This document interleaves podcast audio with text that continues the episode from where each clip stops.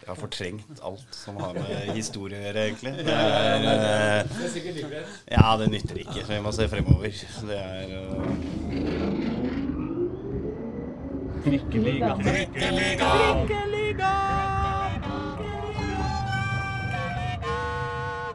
Hei, velkommen til Trikkeligaen sesong 2, episode 22, hvor vi i Dagsavisa skal eh, opplyse deg, glede deg og irritere deg med hva som har skjedd den siste uka i Oslo-fotballen. I dag så skal vi gjennom Lyns gigantemisjon og plutselig eh, oppreisning fra det, fra, fra det mørke. Vi skal eh, selvfølgelig innom eh, vår eh, tabelltips for andredivisjon, fordi den er i ferd med å starte opp. Og så skal vi kanskje først eh, til det store, store trikkeliga-store oppgjøret i Obos-ligaen! Og det blir gøy, blir ikke det, av Reidar Solli? Ja, så må vi jo nevne at eh, du snakker om Lyn. Ja, vi får jo den daglige lederen i Lyn, som nå sitter og Det det teller, teller penger for harde livet dag etter dag. Bjørn Jønsberg, Bjørn vet du. Jønsberg Han, kommer, han, han, han dukker opp. ja, han dukker opp, og eh, trivelig fyr, altså tross, tross eh, klubbtilhørighet. Ja, ja. Ja. Nei, altså, jeg kan jo leve med den klubben også, jeg, da. Ja, ja, ja, du er litt rausere der. Ja, jeg er mye rausere der. Ja. Men, uh, men han smilte hele tida mens jeg var der. Og det hadde han kanskje god grunn til. Ja, ja, altså Han hadde han måtte parkere trillebåra si nede i garasjen, eh, for det var så mye penger inn. eh, før han kom opp, for han orka ikke å bære alle de penga rundt. Han hadde samla inn ti millioner på fem dager. For å reise Lyn eh, fra, som en fugl føniks. Men dette kommer vi tilbake til. Dette kommer vi tilbake til. Hei, Håkon Thon. Hei, hei, hei. Hei, Har du det fint? Ja, vi får håpe at uh, dette ikke bare er en drøm for Lyn. Jeg er spent på å høre hva Bjørn har å si. For eh, jeg husker sjøl at jeg en gang trodde at jeg hadde blitt mangemillionær. Dro på Narvesen-kiosken i eh, Storefri på videregående skole, skulle kjøpe meg en eh, ostegrill. Ja. Og kortet ble avvist. Og da skjønte jeg at det bare var en drøm. Jeg hadde gått hele veien fram til Storefri og trodd at jeg var mangemillionær. Men hvorfor trodde du det? Nei, jeg hadde drømt det kanskje, eller et eller annet. Jeg er litt usikker på hvorfor jeg trodde. Jeg bare hadde en sånn eh, selvsikkerhet og var sånn Vet du hva, jeg, Hvorfor er jeg egentlig på skolen? Ja, ja, Det er jo hyggelig å være med kamerater, og sånn, men jeg trenger jo egentlig ikke dette lenger. Jeg er jo blitt steinrik. Og det trodde jeg på 100% helt fram til kort kortet ble avvist da jeg skulle kjøpe ostegrill på Narvesen i Storefri. Ja, For kanskje det er noe de bare har sagt, ja? Kanskje de ikke egentlig har fått inn disse penga? Nei, dette får vi høre etterpå. Ja, ja. ja, det blir spennende. Om det bare var en drøm. Kanskje de har drømt, ja. Ja. ja. La du- millioner til og Lyn, eller hvor mye de har Og lade ut på nett. ja. Ja. Våkna opp eh, litt sein eh, Vi får høre. morgen, også. kjempegod drøm. 10 millioner. det blir spennende, det. Ja, Vi skal selvfølgelig også innom eh, Vålingas eh, katastrofale besøk i Rogaland. Uh, uh, I hvert fall må vi så vidt innom det. Men jeg tenkte kanskje vi skulle starte hos deg, Håkon. Uh, for du var jo altså på toppoppgjøret i Trikkeligaen eh, denne helga. Var det ikke det, da? Jo, jo, jo. jo, jo, Jo, Oslo, Oslo-derbyet. Ja.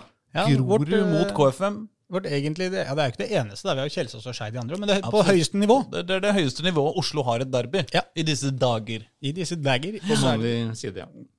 På mannlig side, ja. På mannlig side. Ja, ja, ja, ja, ja, ja, Var du ja, ja, god. Reidar? Ja, ja, ja. Ja. Eh, um, men eh, på Grorud Arctic Match Challenge eh, kunstgress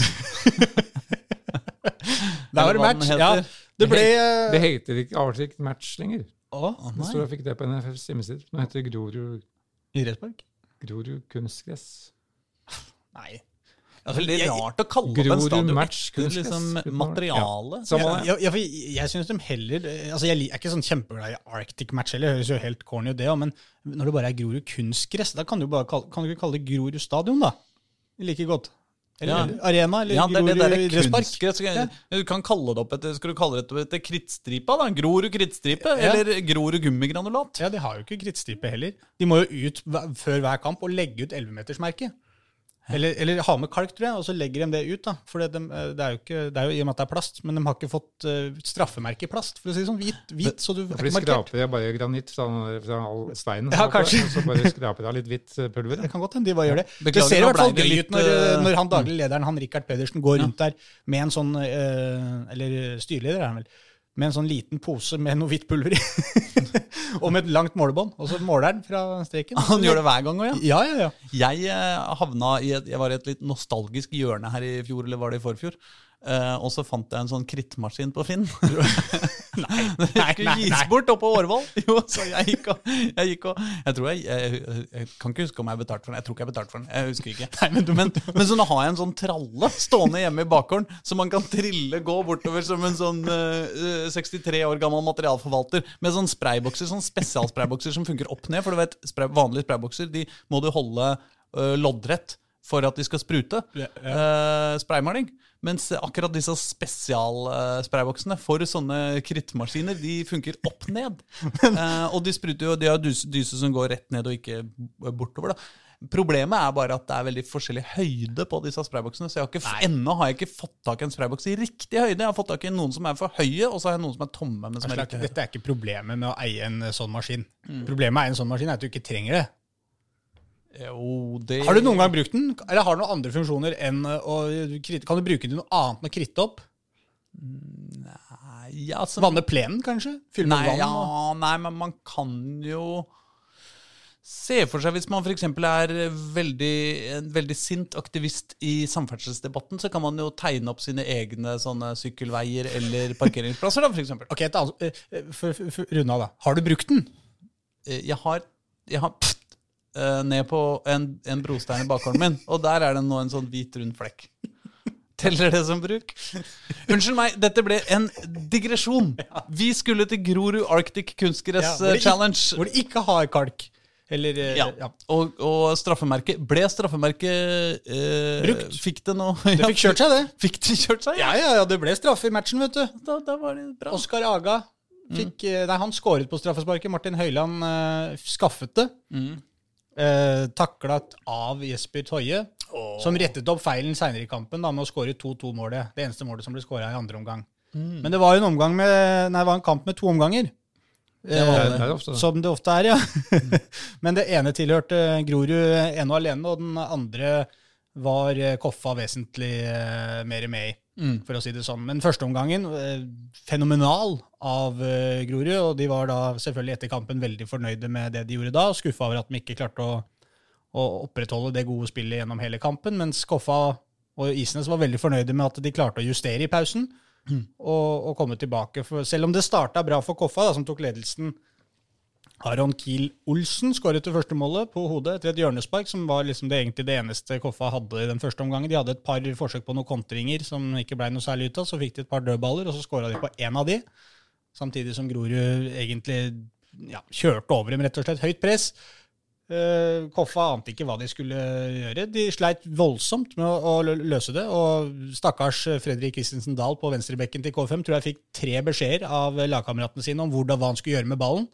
Og når det begynner å bli så mange ideer innad i en gruppe på hvordan de skal løse ting, da er det klart at da har den opprinnelige planen som alle ble enige om at de skulle følge, den har de forlatt for lenge siden, og følte ikke at det fungerte. Det var ingenting som fungerte i det hele tatt. Ja, for K5 å s- vil jo styre kampene, men det- de ble rett overkjørt. Ja, ja, ja. ja, ja. Altså, øh, og det var vel litt av problemet her, at vi jo vil ha ballen. Øh, og da er du avhengig av at du klarer å spille av det høye presset til Grorud, og det klarte de ikke. Og da blei det fryktelig baktungt for KFM i første omgangen. Og det var så mye som var dårlig. Det var dårlige Når de først hadde ballen nå. de, de klarte kanskje å spille av et par pasninger, og så en ny feilpasning, og så var de rett tilbake i eget forsvar. Og det var så mye som var elendig, for å si det rett ut, fra KFM i den første gangen, at jeg satt i, eh, når det nærma seg pause og tenkte dette her er sånne øyeblikk hvor en fotballtrener virkelig får kjørt seg. For her kan du egentlig ta tak i alt. Her kan du, her kan du gå inn og være fly forbanna, her eller du kan gå inn og prøve å klappe folk på skulderen. Eh, Du kan ta tak i pasningsspillet, du kan ta tak i hvordan vi ønsker å, å, å se ut i forsvarsrekka, strukturen. eh, Du kan endre formasjon, du kan bytte tre spillere. Så mye, Du, du rekker jo ikke alt dette. Men det var bare 1-0. Det var, eh, til pause var det 2-1 til Grorud. Ja, ok. Ja, for uh, Aga, som jeg sa, skåra på straffespark, og så skåra Christo Safaris også da sitt uh, første mål for uh, Grorud. Som gjorde at det sto 2-1 til pause. Men, men, men da det nærma seg pause, da, så satt jeg og tenkte på dette her, og så kommer de ut i andre omgang KFM og ser plutselig veldig mye bedre ut. treffer i frispillinga et par ganger helt i starten her, og, begynner, og da får de litt selvtillit på at ok, de justeringene vi har gjort, de fungerer. Og så bare balla det på seg. De skåra jo, jo ganske tidlig i den eh, andre omgangen, også 2-2, da.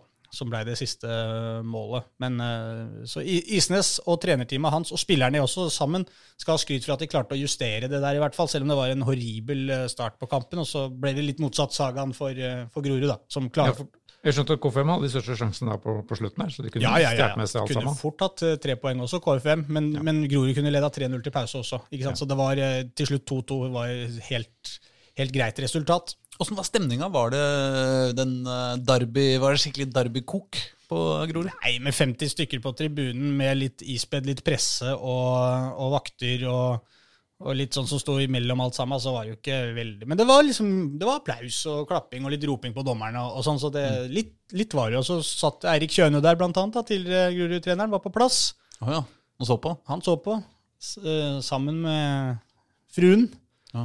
De har jo, han blei jo far i, i natt, Eirik Kjøne. Oi, er det sant? Ja. Gratulerer. Ja.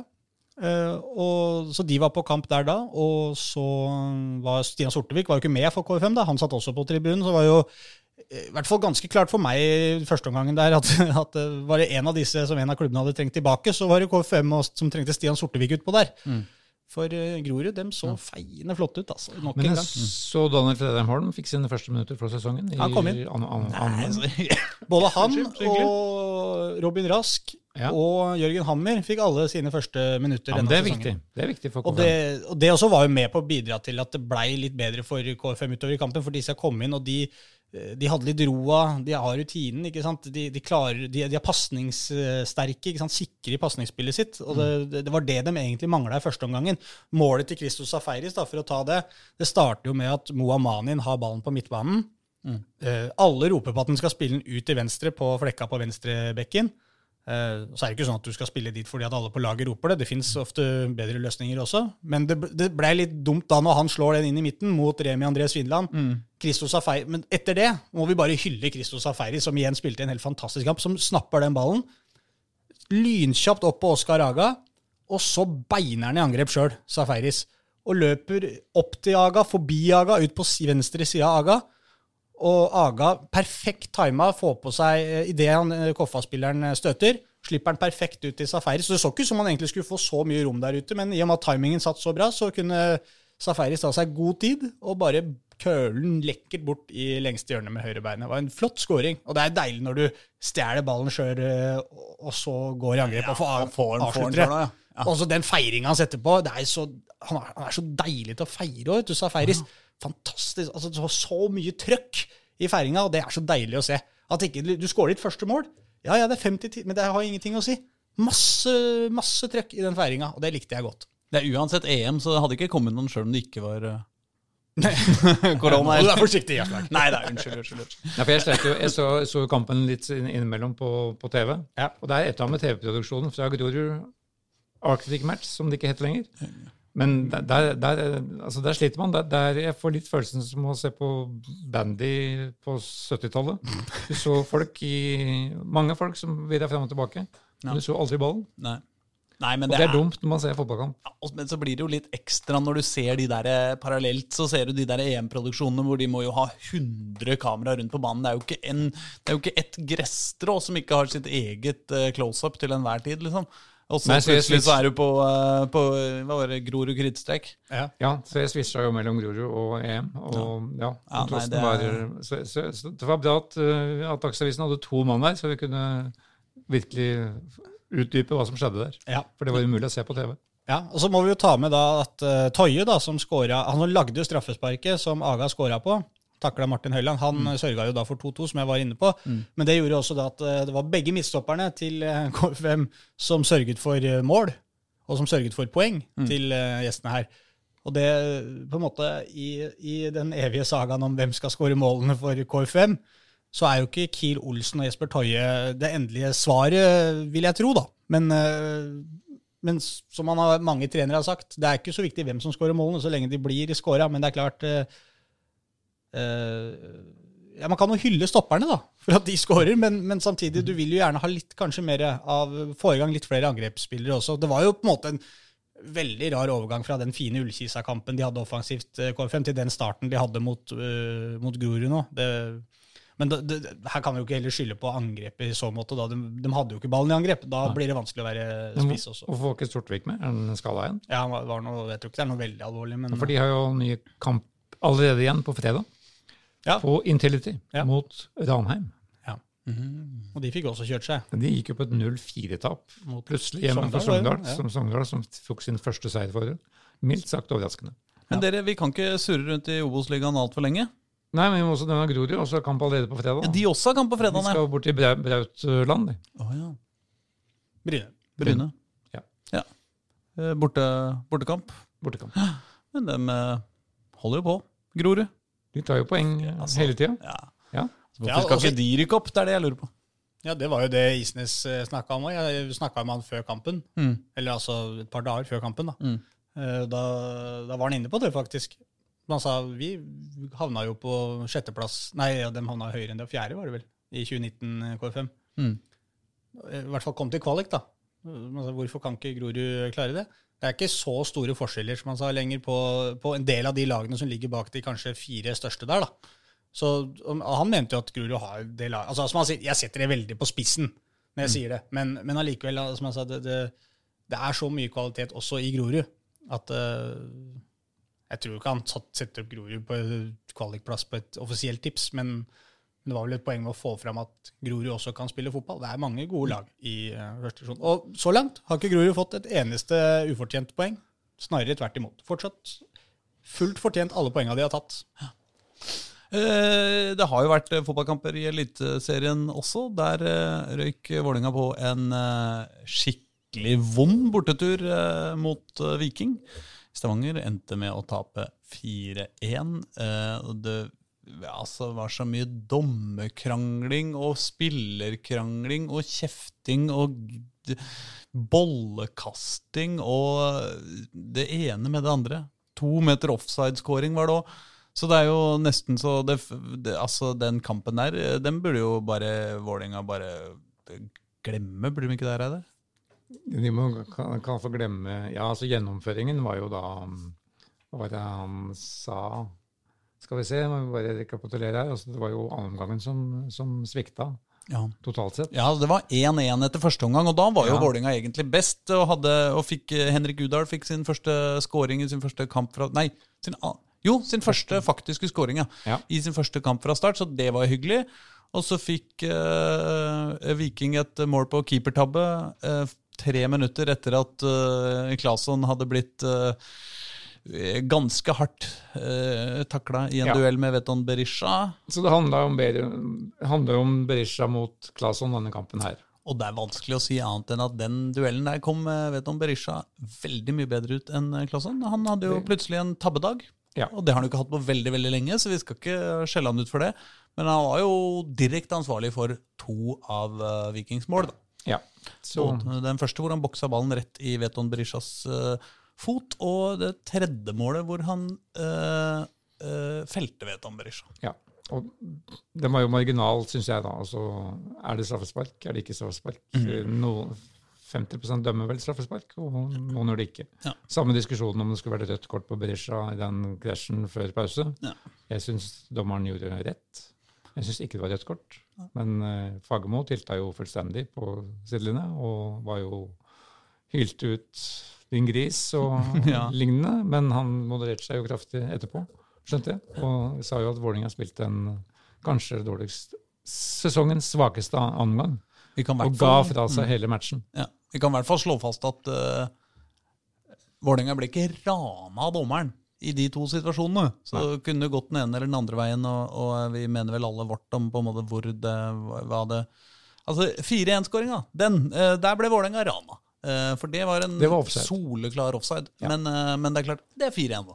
Den hadde, Ja, det- den hadde VAR tatt, men det hadde ikke hjulpet noe. For da Det var jo tredje skåringa til Viking med Samuel Kari Fridjonsson. Det var jo kampens prestasjon. Å, fy flate. Og så var det jo da litt pussig måten han reagerer på. ved å rive, Først rive av seg drakta, Mm. som gir garantert gult kort. Det vet han jo, fordi han skal da demonstrere foran VIF-benken Mm. På at de satsa for lite på han da han var, var her. Men det var jo ingen som satt på den benken som leda Vålerenga da islendingen var i VIF. Nei, unntatt keepertreneren, da. I Østby er, er det alltid. Ja. Men han hadde jo ikke noe med uttaket av eh, Fridtjonsson å gjøre. Altså Hovedproblemet til Fridtjonsson var jo at han på et tidspunkt var vel Sam 3 i Vålerenga. Ja. Uh, altså Vi hadde både Samuel Johnson og vi hadde Sam Adekubi og eh, Samuel Fridtjonsson. Og Ja. det, blir jo, det er jo minst én Sam for mye. Det er det. Det er ikke til å komme seg unna. Du kan ikke ha så mange Sammer. Så han har, men denne Sam har det i seg. Han, han har fortsatt på, Han var. Eliteseriens eneste spiller i VM-fotball i 2018 i, i Russland. Det var sant. Da var han VIF-spiller. Men han fikk jo ikke spille noe der heller. Nei da. Nei, Nei. da.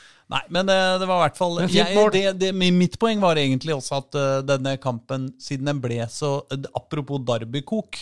Der ble det kok. Alle huene ute på banen er kokt over. De kjefta og skreik til hverandre. Det kom gule kort hver annethvert minutt utover kampen, og det skulle vært delt ut enda flere enn det det blei også. Ja, Så avsluttet da med at Dunham tok denne mm, sklittaklingen på bordet inni inni, på vei inn til garderoben der. Hvor det var litt mye wienerbrød og mm -hmm. skoleboller. sånn. Ja. Skoleboller, det er ikke noe som heter det. Det heter skolebrød. Eh, det- Dette kjenner jeg at det er en diskusjon jeg syns er nesten like interessant som eh, hvem av Vålerenga og Lyn som eh, juksa mest på tilskuersnittet i eh, 2003. Den siste er mer interessant. Men ja, så har de da sendt en faktura til Dunham, skjønte jeg, på Ja. utgifter for bakst. Ja. Hva var dette her? Tort og En kjent sint Aron Dunham eh, etter tap takla et bord med boller på vei inn til garderoben.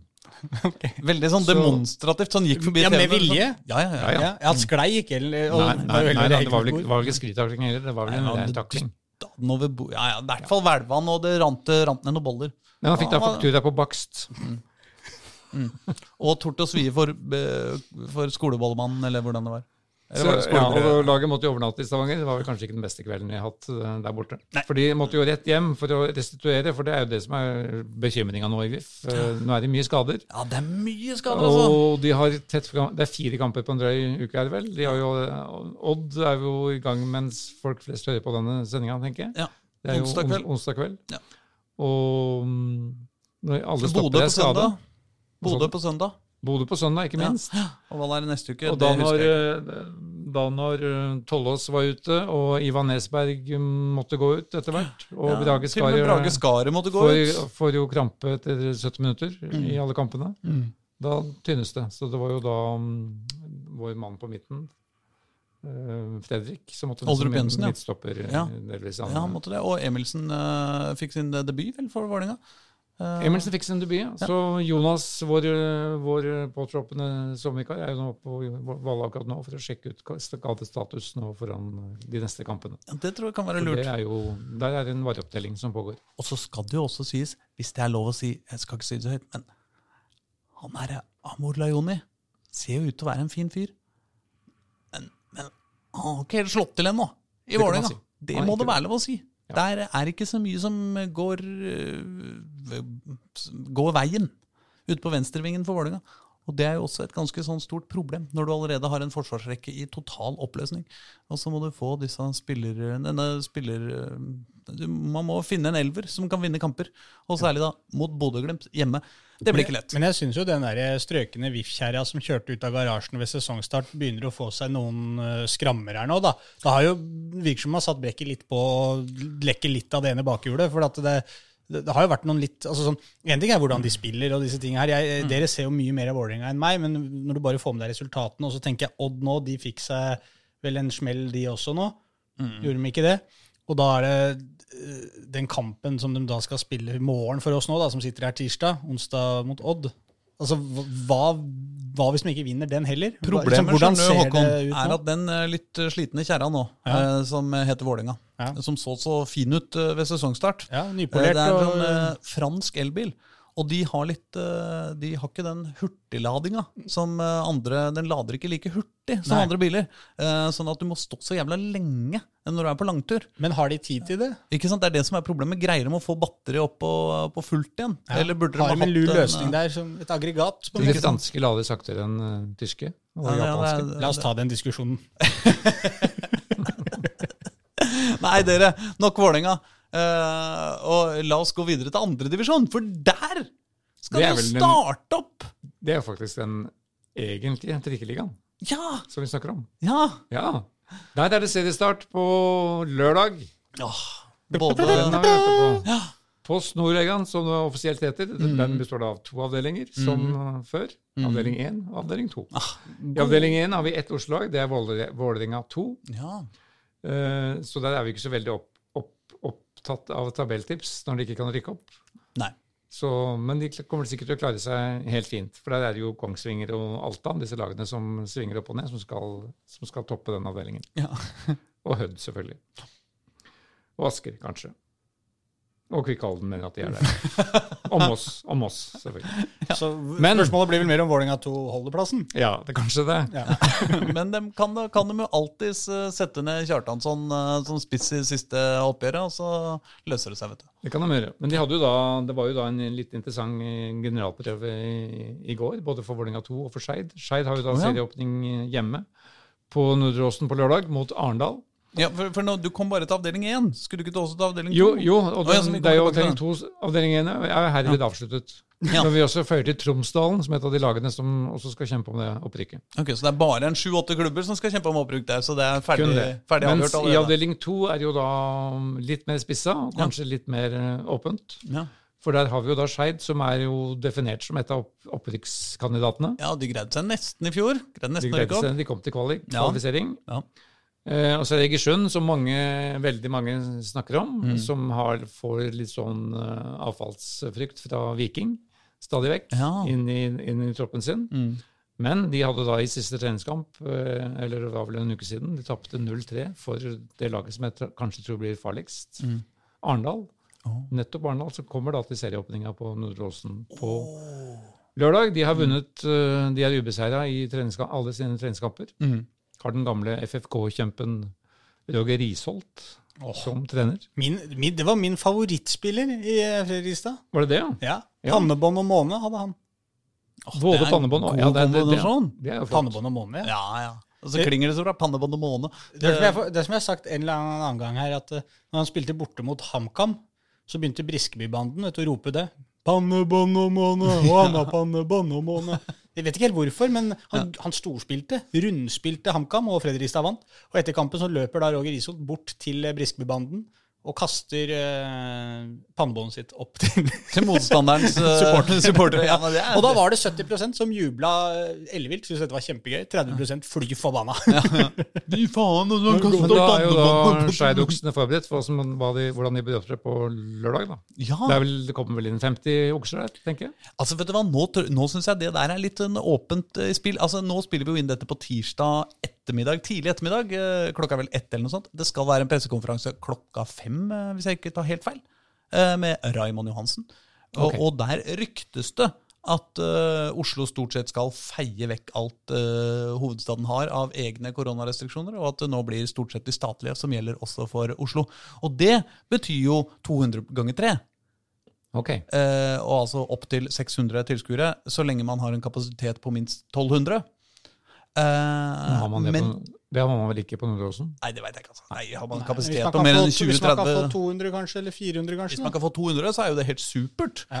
Men uh, jeg veit jo ikke når dette eventuelt blir innført. Ja, det- Dette er helt på ryktestadiet. Altså, stadiet, altså. Det er bare noe jeg har lest i VG. Og, um, men uh, men eh, spørsmålet er jo da hvor fort det blir iverksatt. Om Ja. det kommer før helga, eller om det kommer etter. Men det er ikke helt usannsynlig at det kommer før helga, hvis de presenterer det allerede tirsdag. ikke sant? Ja. Så kanskje Vålerenga-Bodø på søndag, og kanskje uh, da også uh, Skeid mot uh, Arendal. Eh, får masse tilskuere! Hende. Herregud, da blir det, da blir det fint! Ja, men for Skeid mener jo da at de er i rute, som det heter så, så fint. De, de, de, Som trikken. De, de tok det da originale og spilte to, to treningskamper eh, mandag. Først, Eh, og på samme dag. På samme dag. Ja. det betyr at de har en ganske bred stall, Ja. slik jeg vil tolke det. Så de spilte først mot VIF 2, som også da var VIF 2s generalprøve. Og da vant Skei 2-0 på Intility. Etter en skåring av Jonny Budesson og et selvmål fra, fra VIF 2. Så skal man lure på hva VIF 2 kom med, for de var jo da, der var jo A-laget på EM fra Stavanger. Men de hadde jo da de hadde jo Kjetil Haug i mål, og de hadde disse Oppsal-brødrene. Nei, men Kjetil Haug var jo i Stavanger. Ja, det, men han har kommet seg hjem, nå. Ja. Nå vet jeg ikke når den kampen starta i går, da, men uh, Oppsal-gutta var der. Aminori spilte. Mathias Emelsen fikk jo sin debut i Stavanger. Han spilte mot Skeid eh, i, i går. Bra. Eh, Magnus Bekke Risnes og Sidi Jatta kom også innpå. Har ikke Risnes gått til Skeid? Nei, det er broren. Eh, Det er så forvirrende, altså. Alle disse brødrepara. men brødreparen spilte da Men broren, som da heter Martin, Ja. han spilte for Skeids annet lag. ja. Senere på kvelden, som slo Eidsvoll Turn 2-1 på Nordreåsen. For å skape det fullstendige virvaret her. Men dette, er- dette blir vanskelig å holde oversikt over, altså. Men, eh, men eh, disse risnesene altså, Magnus Beck Risnes spiller i VIF Ja, To. fortsatt. Martin Bekke Risnes spiller nå i Skeid. Er det mulig å ha litt større variasjon i navnet? Altså? Det er ikke mulig. Nei. Men uh, det betyr at Skeids eh, antatte førsteelver da, Mm. i nesten spilte den kampen på, på Valle. Mm. Med mulig unntak av eh, Gabriel Andersen, som er da en ny spiss fra Tromsdalen. Ja. Som da var kaptein på annetlaget, og som vel også skåra et mål i, i den seieren over Eidsvollturen. Det er mulig han også går inn i førsteelveren. Det, Men med, dette vet vel bare Gard Holme. hva med mannen, myten og legenden? Daniel Bråten. Daniel Bråten står ikke, står ikke på noen lister. Han satt heller ikke på benken. For det, det, det var også en pussighet. Det var den samme gjengen som satt på benken i begge kampene. Så hva sier eh, Adam Vik, som da var reservekeeper både i kamp 1 og kamp 2? For det er det Anders Gundersen som er førstekeeper til Skeid, mens eh, denne Lars Martin Kvarekvold sto da i kamp 2. Adam Vik, tålmodig reservekeeper i begge matchene. Ja. Det var også Abel Stensrud. Satt på benken. Kanskje han eh, kan eh, lære noe av eh, fjorårets benkesliterkeeper for Vålerenga, og navnebror Adam Ja. Larsen Karasai. For det var da Jonny Budøsson som da var spiss i, i um, førstelagets, såkalte førstelagets kamp. da. Ja. Så jeg tror Skeid føler seg relativt godt rusta. De har vel kun eh, 2-4 for Stabæk som, eh, som tap før seriestart. Ja, og Der starta Andersen vel som spiss, tror jeg. Den, bare for å bygge opp under det at han kanskje starter, da. Der starta vel han, og Bude som spilte, kom inn i Ja. den kampen. Men, eh, men uh, Skeid har jo ambisjoner om å rykke opp Ja. eh, og skal være med tett fra start. Og da er det jo litt interessant at de starter mot kanskje et, et av, en av de største utfordrerne, Arendal. Mange peker på Egersund nettopp pga. uh, koblinga til Viking Mm.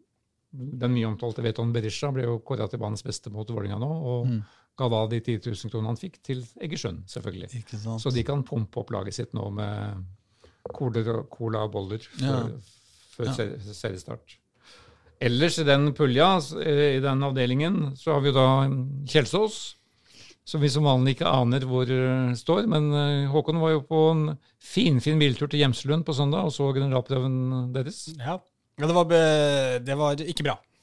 Og det var ikke det? Nei, det var, det var, det var ikke bra ved Kjelsås. Men da møtte de et bra Kongsvinger-lag, da. Det skal vi ta med oss at, uh, at det var. Men uh, det er vanskelig Jeg snakka med kapteinen til Kjelsås, da, Jesper Solli, etter kampen, og han sier jo at uh, vi har liksom ikke diskutert noen særlige ambisjoner liksom, om hva vi skal. Jeg syns det er vanskelig å vite, egentlig. Altså, så Når du skal, vi skal sette opp et tabelltips her også, Reidar, så er det vanskelig å liksom ha noen formening om disse lagene. For vi har sett dem så fryktelig lite de siste to åra. Mm.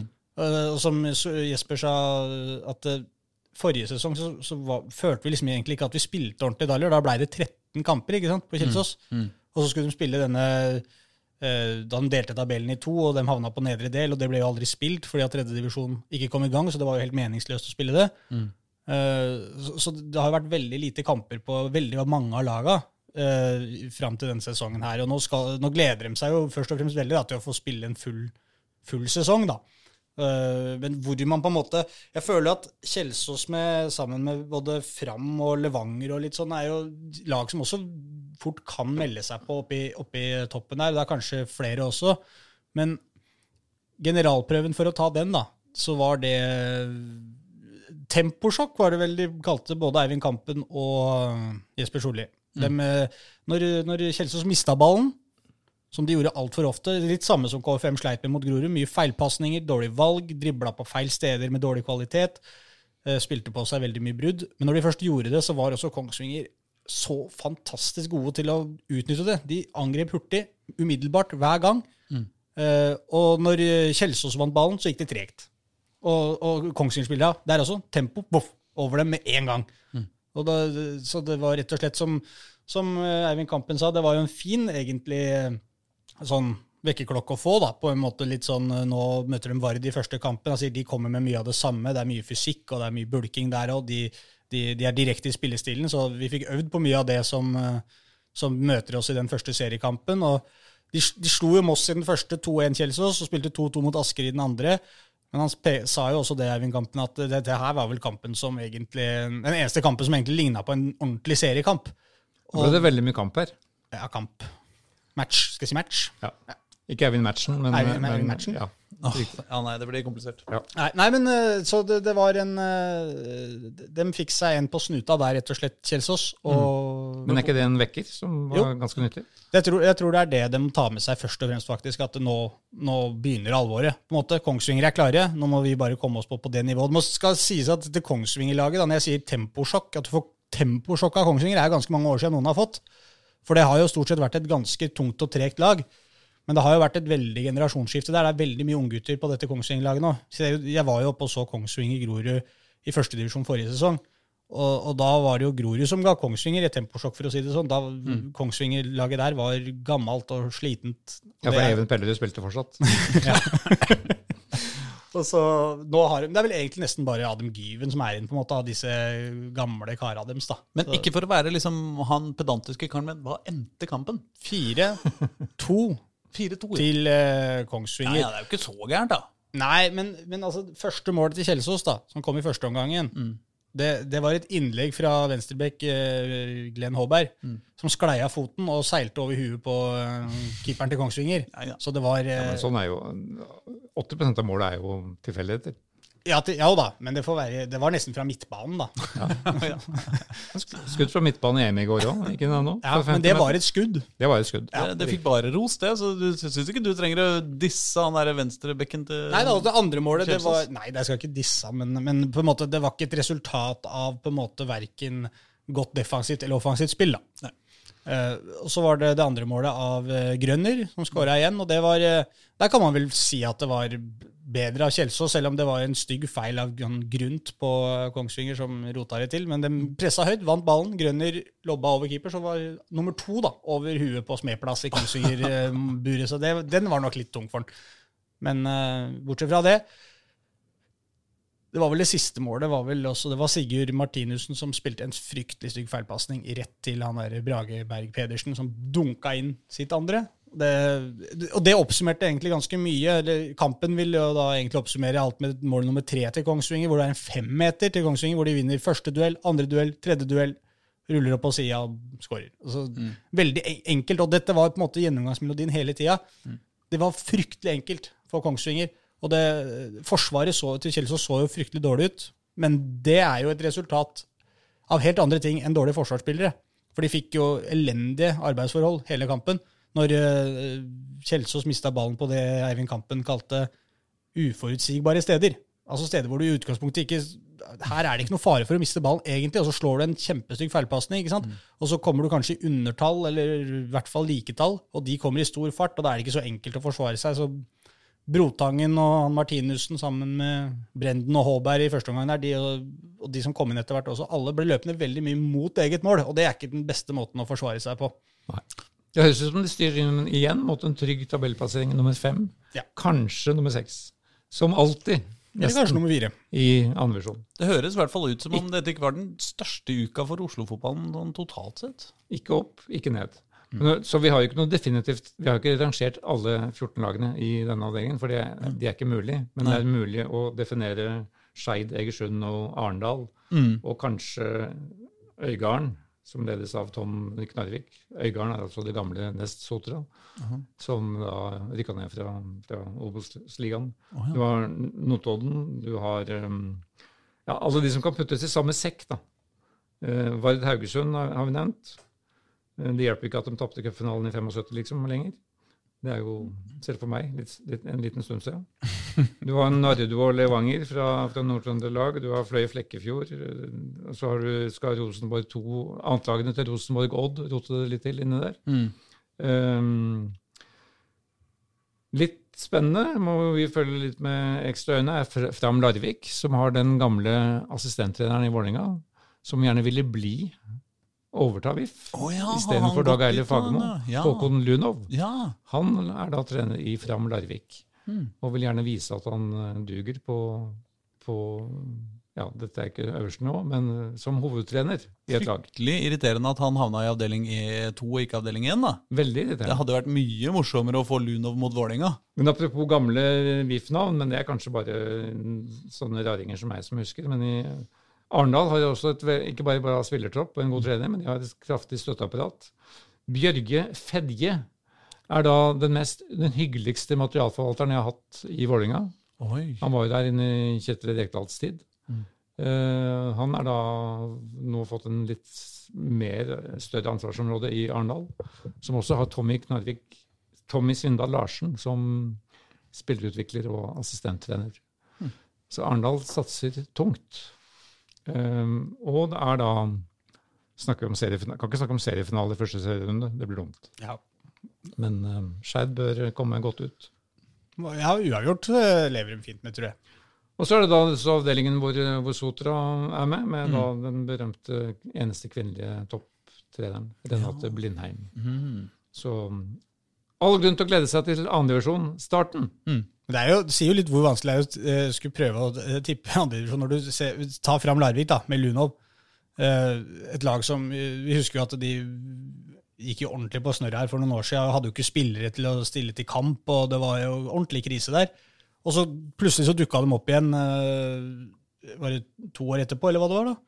Og var knallbra. Ja, det var vel, ja, det var vel i forrige sesong, da, hvor de var ganske bra.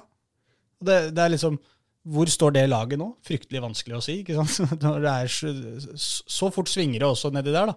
Det er jo veldig mange eksempler på lag som Husker Finnsnes også, da, da, for noen år siden, når de lå helt i toppen og kjempa. Sesongen etter rykka ned. Ikke sant? Det, det, er, det er så store variasjoner i andredivisjon, og, og det er eh, fåtall av mennesker som har eh, god nok eh, oversikt over samtlige av disse lagene. Men at det skal bli spennende og gøy, det er det ingen tvil om. Og det er jo denne festen Der kom TV 2-mannen i eh, Håkon Thon fram, vet du. Det er det ingen tvil om. Og denne festen av en avdeling er jo da våre gamle venner i Lyn som skal drømme om Prøve. å komme seg opp, opp, opp til det. Ja, for det er dit, eh, det er dit vi skal. Det, altså, hvis denne uka kommer til å bli huska eh, som, et, eh, eh, som et på en måte viktig punkt i Oslo-fotballens historie, så er det ikke pga. noen av de klubbene vi har eh, snakka om så langt. Da er det rett og slett fordi Lyn nå har eh, satt i gang en kjempe sånn folkefinansieringsspleis. Og samla inn på noen få dager 10 millioner kroner eh, til å lage aksje... Eh, altså til å, til å sky, skyte inn penger i eh, aksjeselskapet Lyn 1896 AS. Eh, og altså de, de, har fått inn så mye penger på så kort tid og skapt enorm entusiasme på Oslo vest. Så vi, vi syns jo nesten dette, dette måtte vi finne ut litt mer om. Så vi, vi har rett og slett uh, fått inn Bjørn Jønsberg, som er daglig leder for, uh, daglig leder for klubben. Uh, for breddeklubben, eller toppidretten i breddeklubben Lyn, eller hvordan det blir. Et eller annet sånt. For å prøve å finne ut av Dette, dette må han forklare selv. Hva, hva, er topp, og hva er bredde? Og hva er lyn? hva er Lyn, og hvor er Lyn nå og om fem år. Så, så heng med. Da viker jeg min plass og overlater den til uh, Godbjørn. Gjør det.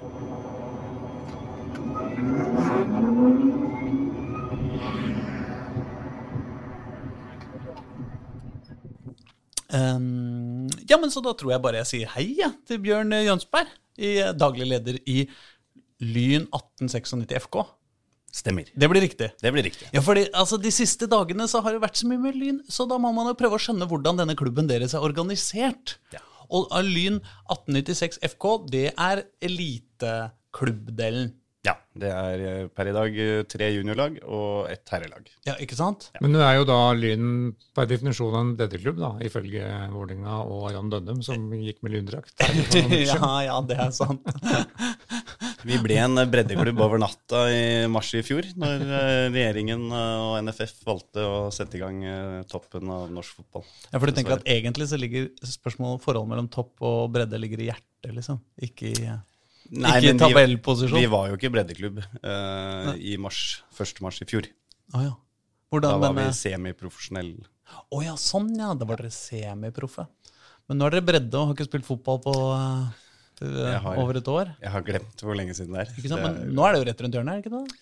Vi krysser fingrene for det. Ja. Eh, 7. og 8. august starter serien etter planen, og cupkamp eh, 24.-25. juli. Altså, Det det, blir- det blir deilig. først. Det blir morsomt. Ja. Det kan jo bli faktisk teorien Vålerenga-Lyn. Ja, vi får spare det til de åpner eh, tri, tri, tribunene for full rulle, tror jeg. Ja. Håper jeg. Så fjerde runde i cupen, så har vi Lyn Vålerenga.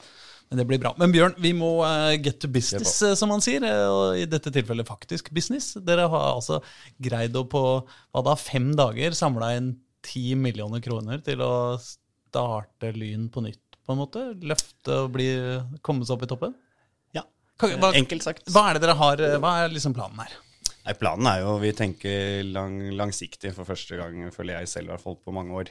Eh, vi har lagd en uh, femårsplan eh, som er forankret i klubb og styre og trenere, spillere, administrasjon, hele klubben, egentlig. Eh, så har vi jo definert spillefilosofien og treningsmetodikk, alt sånn i, i lynmodellen. Og for å få den virkelig ut i livet, så trengte vi jo litt kapital. Eh, Så har vi brukt de siste seks månedene nå egentlig på å finne ut hvordan kan vi hente inn de 6,4 millionene som vi egentlig trengte for å gjennomføre planen.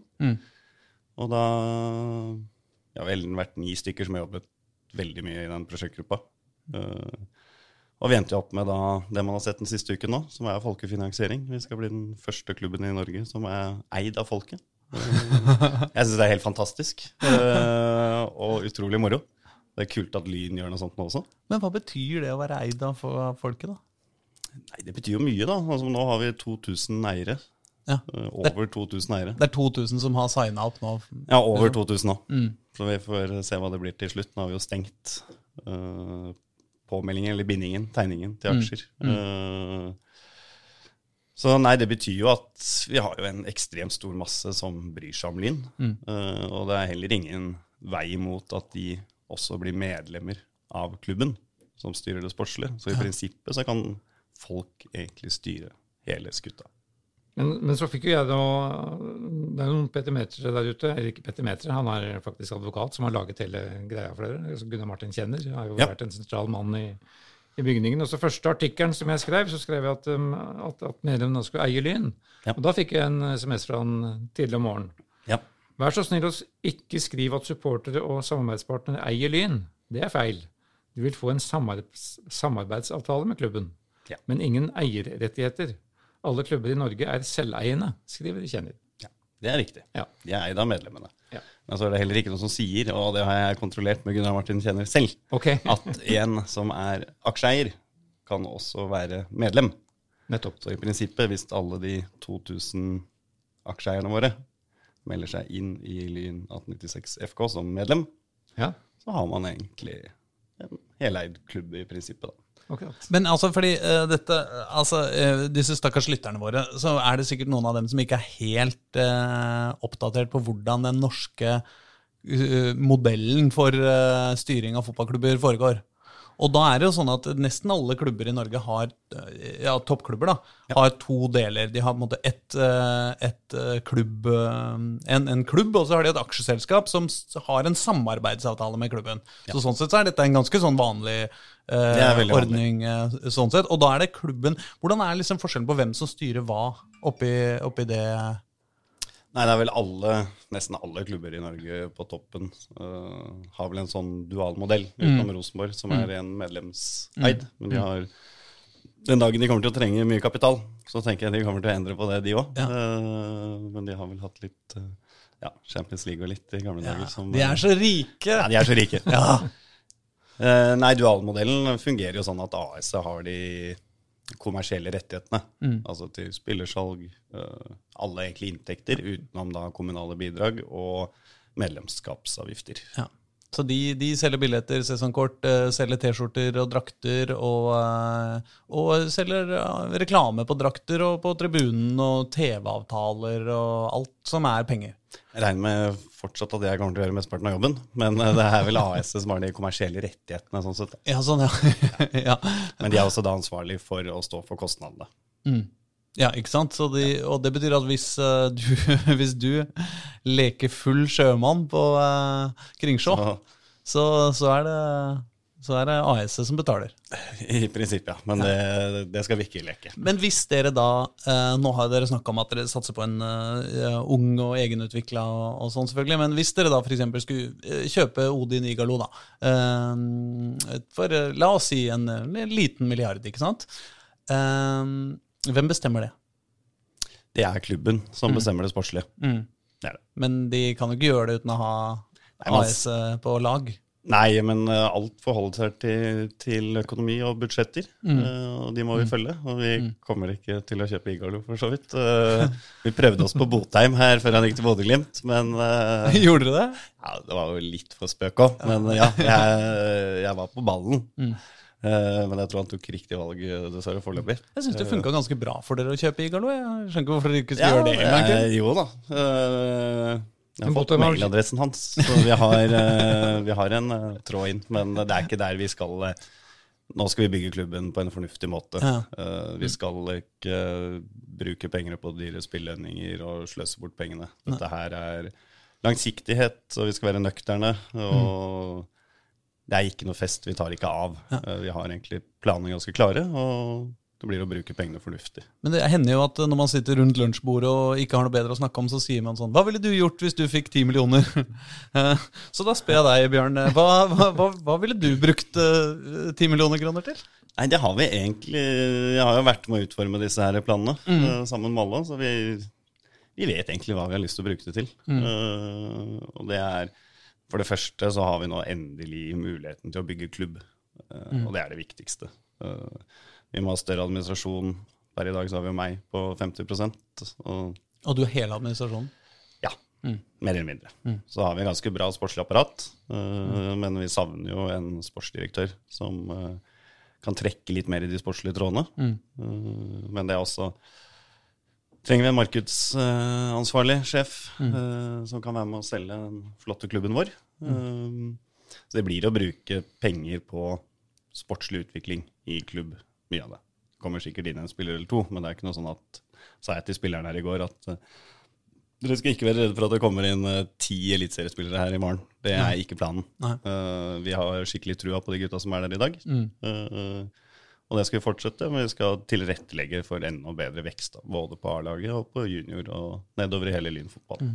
Men, men målet er jo rett og slett uh, opprykk, og det de snakker om Eliteserien i 2026, var det vel? Vi snakker faktisk ikke om Eliteserien. Det er okay. media selv som har hengt seg på. Uh, Ja, det står, det står i konseptet deres. Ja, det står uh, Ifølge prognosene så står det topp seks i Obos i 2025. Ja, ok. Og topp Ja. det kan jo både være første og annenplass som Ja. sier opprykk. Eh, Det er mange det, som har opplevd at vi- den veien fra mellom sjette og førsteplass i Obos er ganske lang, faktisk. Ja. så det, så jeg tror jo egentlig fornuftig at vi forholder oss til det først og fremst. Og når vi er der, så får vi se hva eierne og medlemmene og hele Lyn ønsker. Men presset nå på Bent Inge Johnsen er opprykket i høst. Fra klubben sin side, ja. Ja. ja, men, men det slår meg jo at altså, når man har ti millioner, så- det er jo veldig mye penger. Men på en annen måte så er det jo ikke så mye penger. Ehm, så det er jo liksom uh, Og hvis man skal rykke opp uh, tre år på rad, uh, så Altså, det er jo vanskelig. Og det er det altså, Greier du det uten å på en måte kaste bort de penga? Ja, For det første så skal vi ikke rykke opp tre år på rad. Nei, dere skal rykke opp tre, tre ganger på fem år eller noe. Ja, Så vi har egentlig sagt at Mm. målet er jo å rykke opp i år. Selvfølgelig. Det er det jo. Eh, vi mener vi er gode nok til det. Og skal vi bruke i hvert fall ett år og stabilisere oss i andre divisjon, Mm. og så er det året etter der igjen, så er det jo da meningen å rykke opp. Ja. Uh, og da når vi er i første divisjon, så skal vi stabilisere oss litt der, og så året etter skal vi topp seks. Mm. Ja. Så det er Ja. litt sten på sten. Ja. Eh, men det er jo selvfølgelig mye som kan skje på vei nå, Mm. så man vet jo ikke. Men eh, det er jo de klare og tydelige planene våre.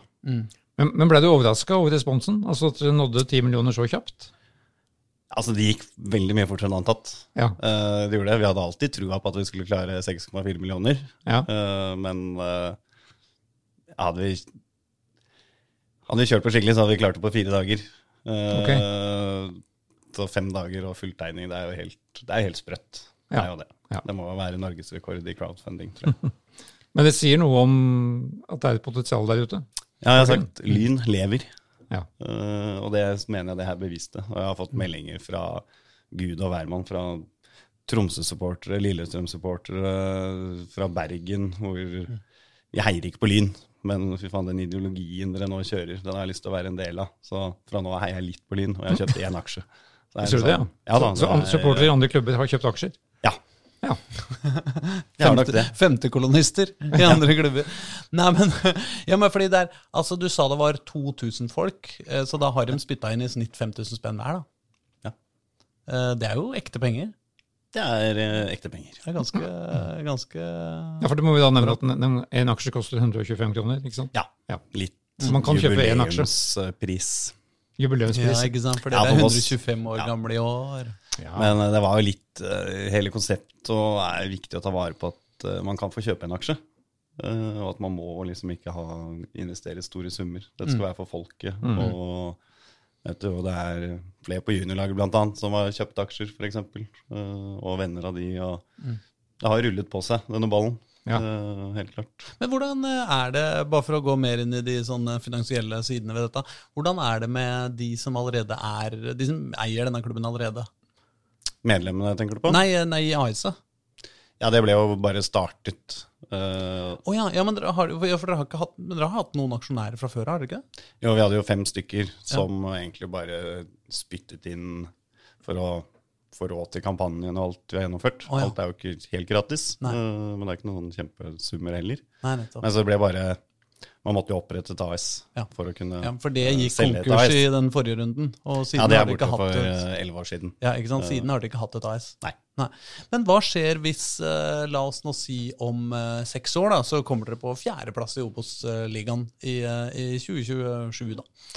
Um, og så har dere brukt opp disse penga. Og så har dere jo nå inntekter, for dere ligger jo i, eh, i Obos-ligaen tross alt. Og dere har jo kanskje kjøpt, bygd en tribuneseksjon til på Kringsjå eller eh, hva nå.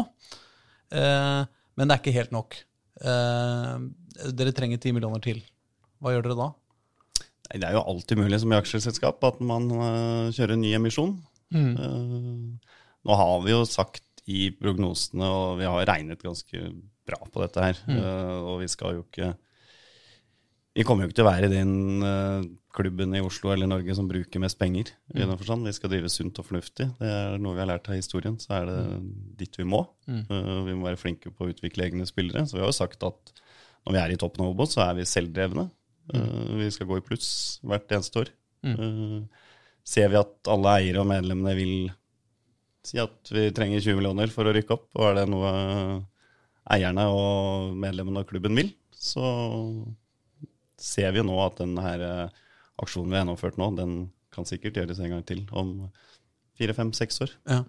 Men jeg bare tenker, hvis det er veldig veldig mange aksjonærer, eh, så blir det ikke da lett at sånne ting blir blokkert, liksom? Fordi det er så Du må ha liksom så Det er liksom lettere hvis du har tre aksjonærer, da. Så kan du liksom Ja. samle dem i et rom sånn som dette, så kan du si Nei, eh, mine damer, nå må vi nesten ekspandere litt. Og så kan alle si ja, det er sant, ass. Men hvis de sitter en i Tromsø og en i Bergen og 40 i, eh, på Røa og 30 på Tåsen, og tusenvis overalt Det blir sikkert noen utfordringer. Jeg tenkte på at eh, første generalforsamling, f.eks., det kan bli spennende med 2000 eiere. Det er flaks, flaks dere har en eh, stor fotballbane å ha det på, da. Ja, men heldigvis så har vi Vi har et godt styre, vi har eh, fornuftige folk rundt oss. eh, Og jeg tror hvis vi legger fram gode planer til både våre medlemmer og eiere, så er jeg ganske overbevist om at de vil støtte det.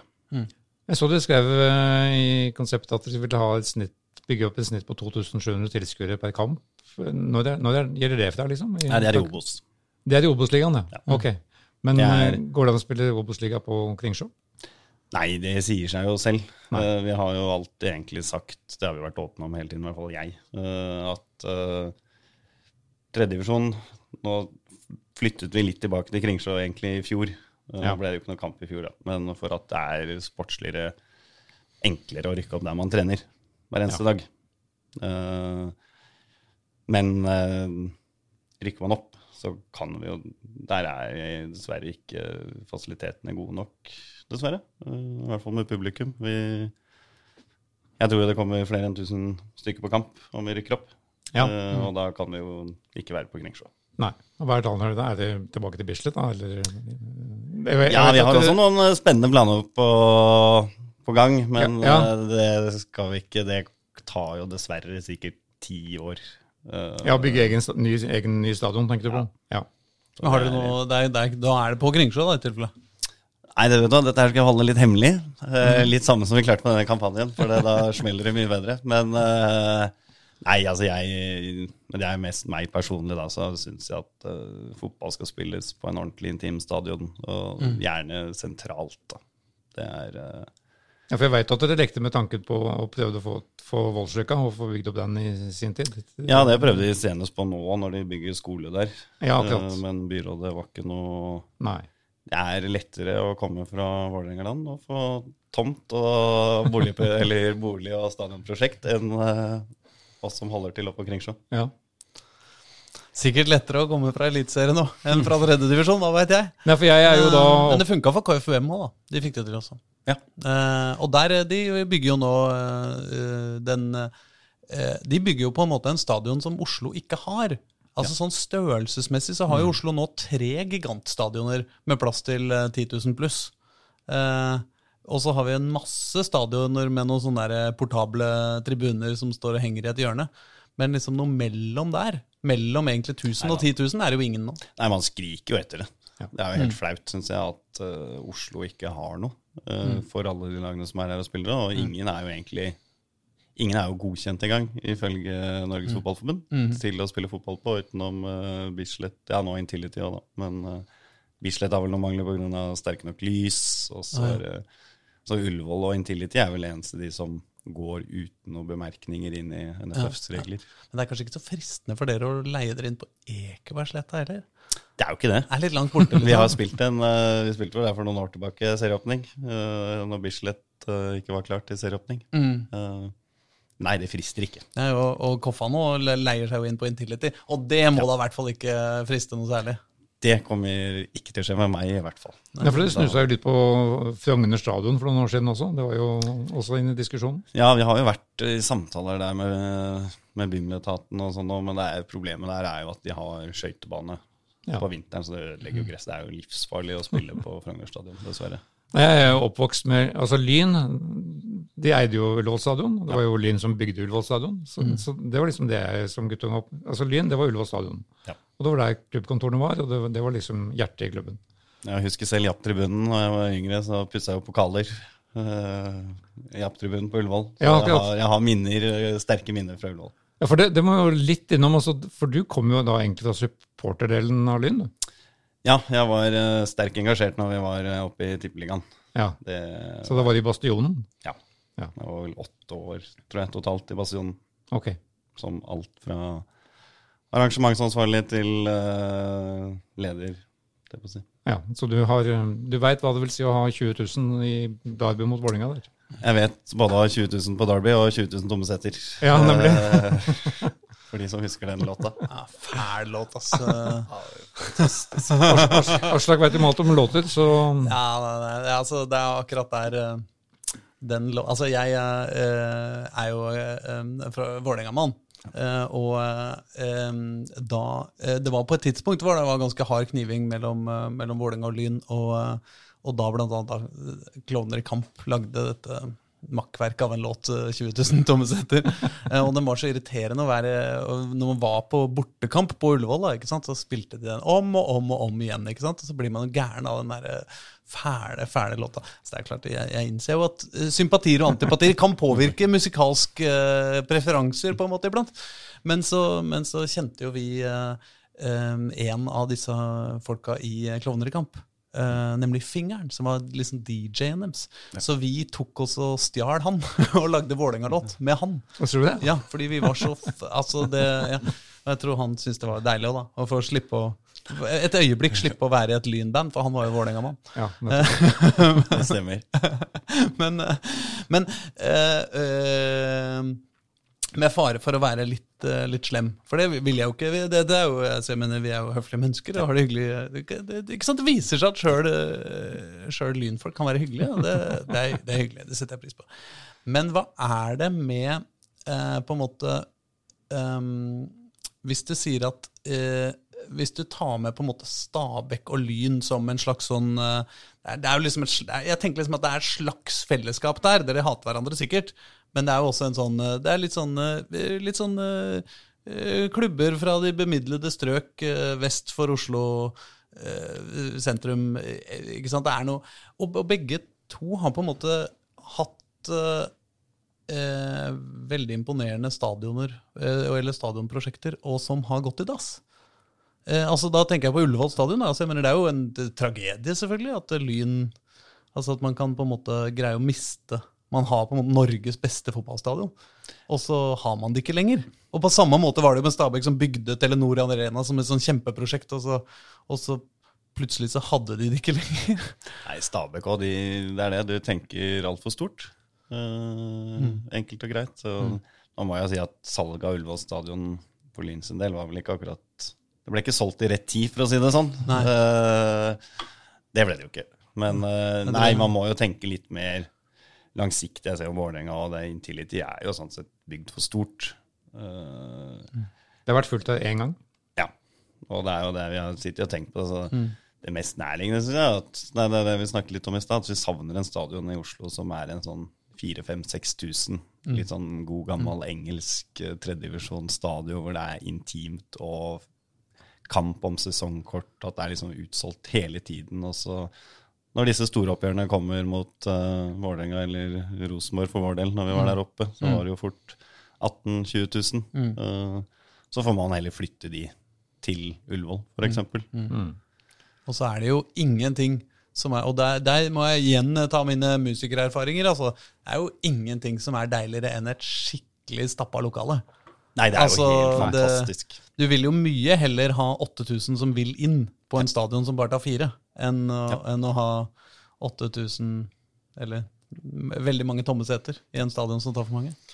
Nei, Vi husker vel begge, siden du heier på Vålerenga. eh, Man husker jo de derbykampene, og det er jo det jeg savner mest, egentlig. Altså hele den uka i forveien hvor det er liksom alle medier snakker om det, du kjenner over og føler på stemningen. Det er tid for arrangement, det er, eh, det er kamp. Det er kamp om Oslo. Er, selv om det gikk kanskje bedre for oss stort sett hver gang, så tror jeg også Vålerenga savner de kampene og den atmosfæren. For det blir ikke det samme. Du får ikke det samme med noen andre Oslo-lag. Nei, for nå har vi jo da Nei, altså, jeg er jo egentlig enig, Selv om jeg vil aldri på en måte, selvfølgelig Som Vålerenga-supporter er det vanskelig å innrømme at jeg skulle ønske at dere var Eliteserien.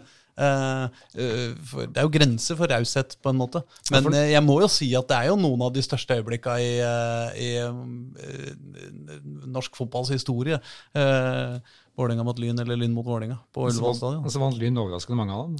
Overraskende irriter irriterende, mange av dem, faktisk. Det var vel 20 år uten tap, tror jeg, hvis vi skal gni det inn her. Jo, jo, men 18 av de åra var jo dere nede og vaka i de rareste divisjoner. Men, men tror det var en periode der som var litt ubehagelig. Og det som var det aller mest irriterende, var jo selvfølgelig at liksom, da Vålerenga endelig slo Lyn, så var jo Lyn altså en uh, olding med vi i isjas konkurs, og uh, fire brekte bein, liksom. Så det var liksom ikke så imponerende å, å, å slå en klubb som ja, som alle veit at du, vinker på vei inn i skifteretten.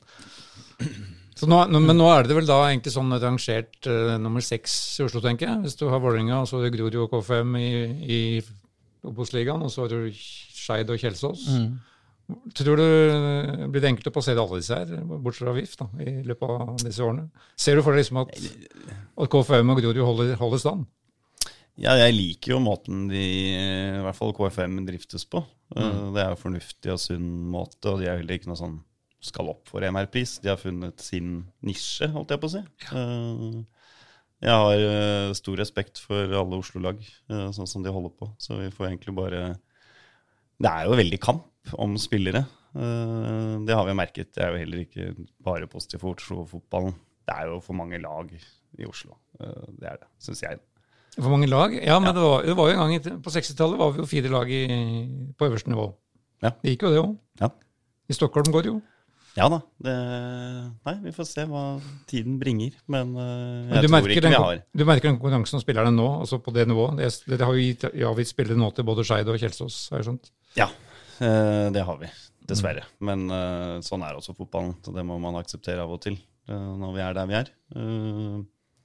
Men det er det Jeg ser jo alle som flytter til Oslo, altså utenfra. Eh, Der er jo, det er jo ti klubber på de med en gang. Ja. Ikke bare Oslo, men også Asker og Bærum og eh, Ullkisa og Ja, for bare I den, altså i tredjedivisjon så er det jo bare der er det jo ti, ti Oslo-lag Ja. i dag. Ja, altså Når du sier at de er nummer seks, så er det jo på en måte, da tar du det for gitt at de er de øverste. Ja, da de rangerer den øverste, øverst, Ja, ja. men det er klart det Ja, kunne. Frigg blir sikkert fornærma. da. Ja.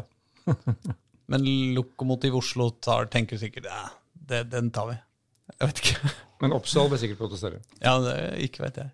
Nei da, vi får, uh, vi får se sesongen i år. Ja. Vi får Men, se hva det eh, bringer. Men eh, er dette liksom er, dette, er det nå det er starten på, på veien oppover, liksom?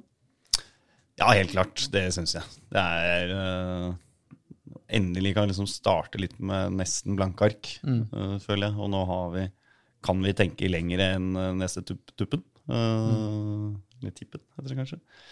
Uh, nå har vi liksom litt eh, kapital til å tenke i fire år fremover. Eh, og vi har for så vidt lagt planene, så vi skal være tro til de. eh, selv om vi hadde fått inn litt mer enn liksom minstebudsjettet. Så skal vi ikke så skal vi være tro til det vi har tenkt. Eh, Det tror jeg vi er avhengig av overfor de som har kjøpt aksjer òg. For det er jo fryktelig mange som har støttet det prosjektet vi har. Mm. Eh, Så det skal vi være tro til, uansett. Eh, Og selv om vi også Vi har hatt noen diskusjoner, men vi er veldig sånn vi skal Drømmen vår var 10 millioner, Mm. så vi stopper på 10 millioner. Ja, Hvorfor det, egentlig? Fordi vi skal ikke være altså hele, hele ideologien bak prosjektet og er eh, nøkternhet og eh, edruelighet. Og jeg føler hvis vi går over, og så blir det plutselig at du blir grådig. Mm. Og det skal vi ikke være. Eh, det er det viktigste, føler jeg. At uh, skal vi vise våre, medlem, våre medlemmer og våre nye eiere at vi, vi holder det vi sier. Eh, For dere har lært det, liksom. Dere, går ikke, det kommer ikke noen ny Brynestad inn og, og Nei, nå er vi 2000 stykker, og det egentlig morsomste av det, det er jo ingen uh, veldig store, skal jeg si det sånn. Det er jo Det sier seg kanskje også litt selv når det er opp over 2000 stykker, at uh, det er ikke tre stykker som har spytta inn 2,5 mill. hver, eller 3 mill. hver. Uh, vi er ikke i nærheten engang, så det syns jeg er det morsomste. Men er Atle Brynestad investor? Det er det jeg lurer på. Nei. Har du fått han til å signe opp? Nei.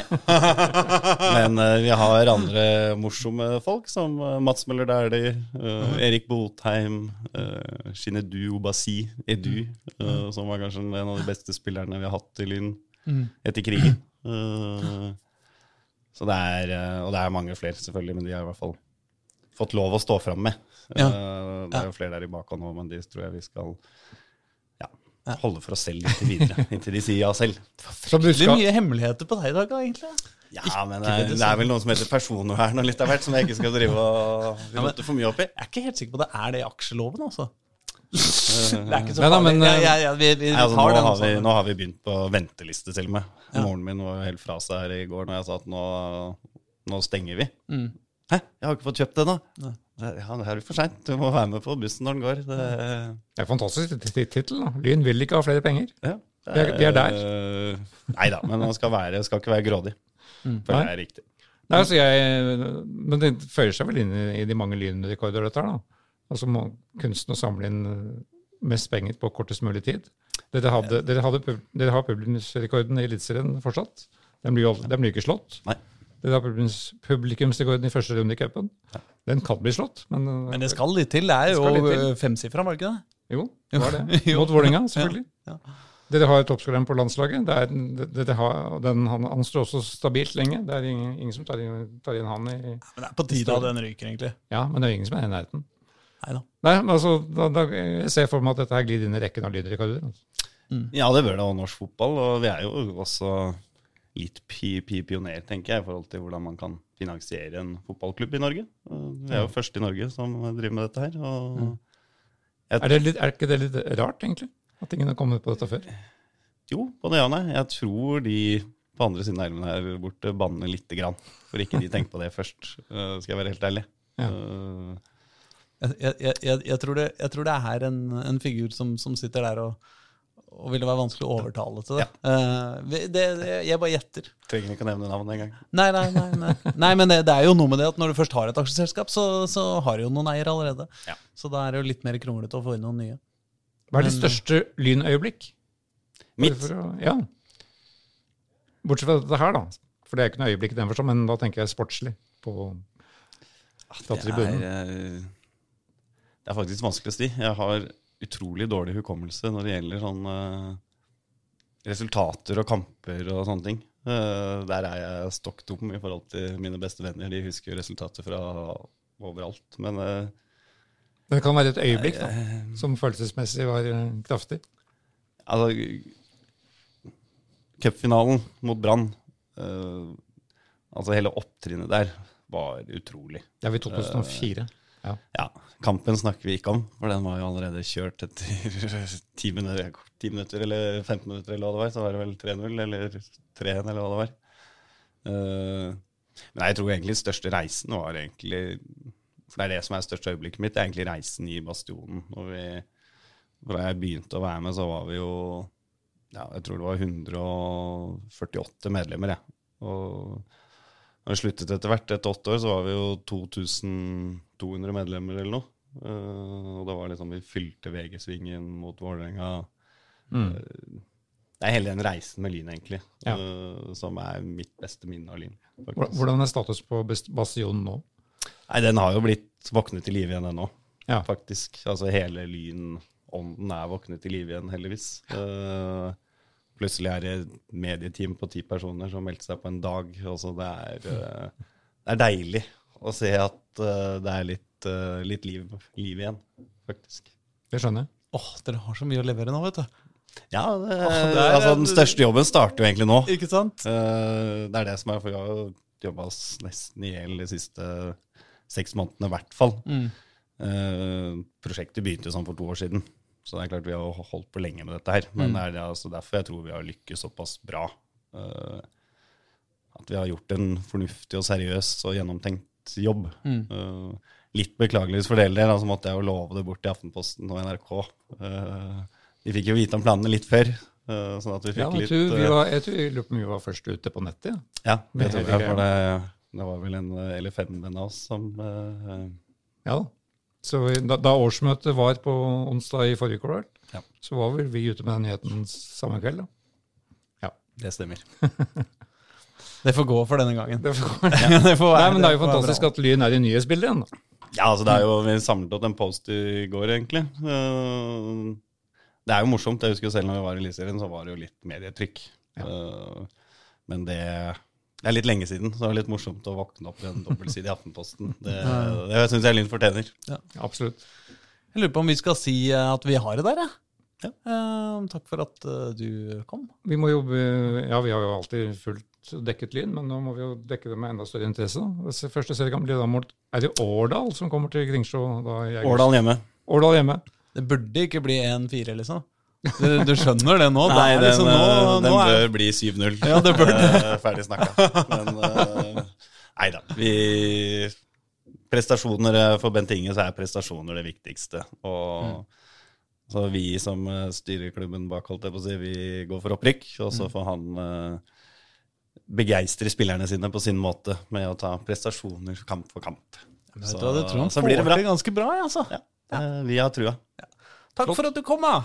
Takk for å få komme. Yes.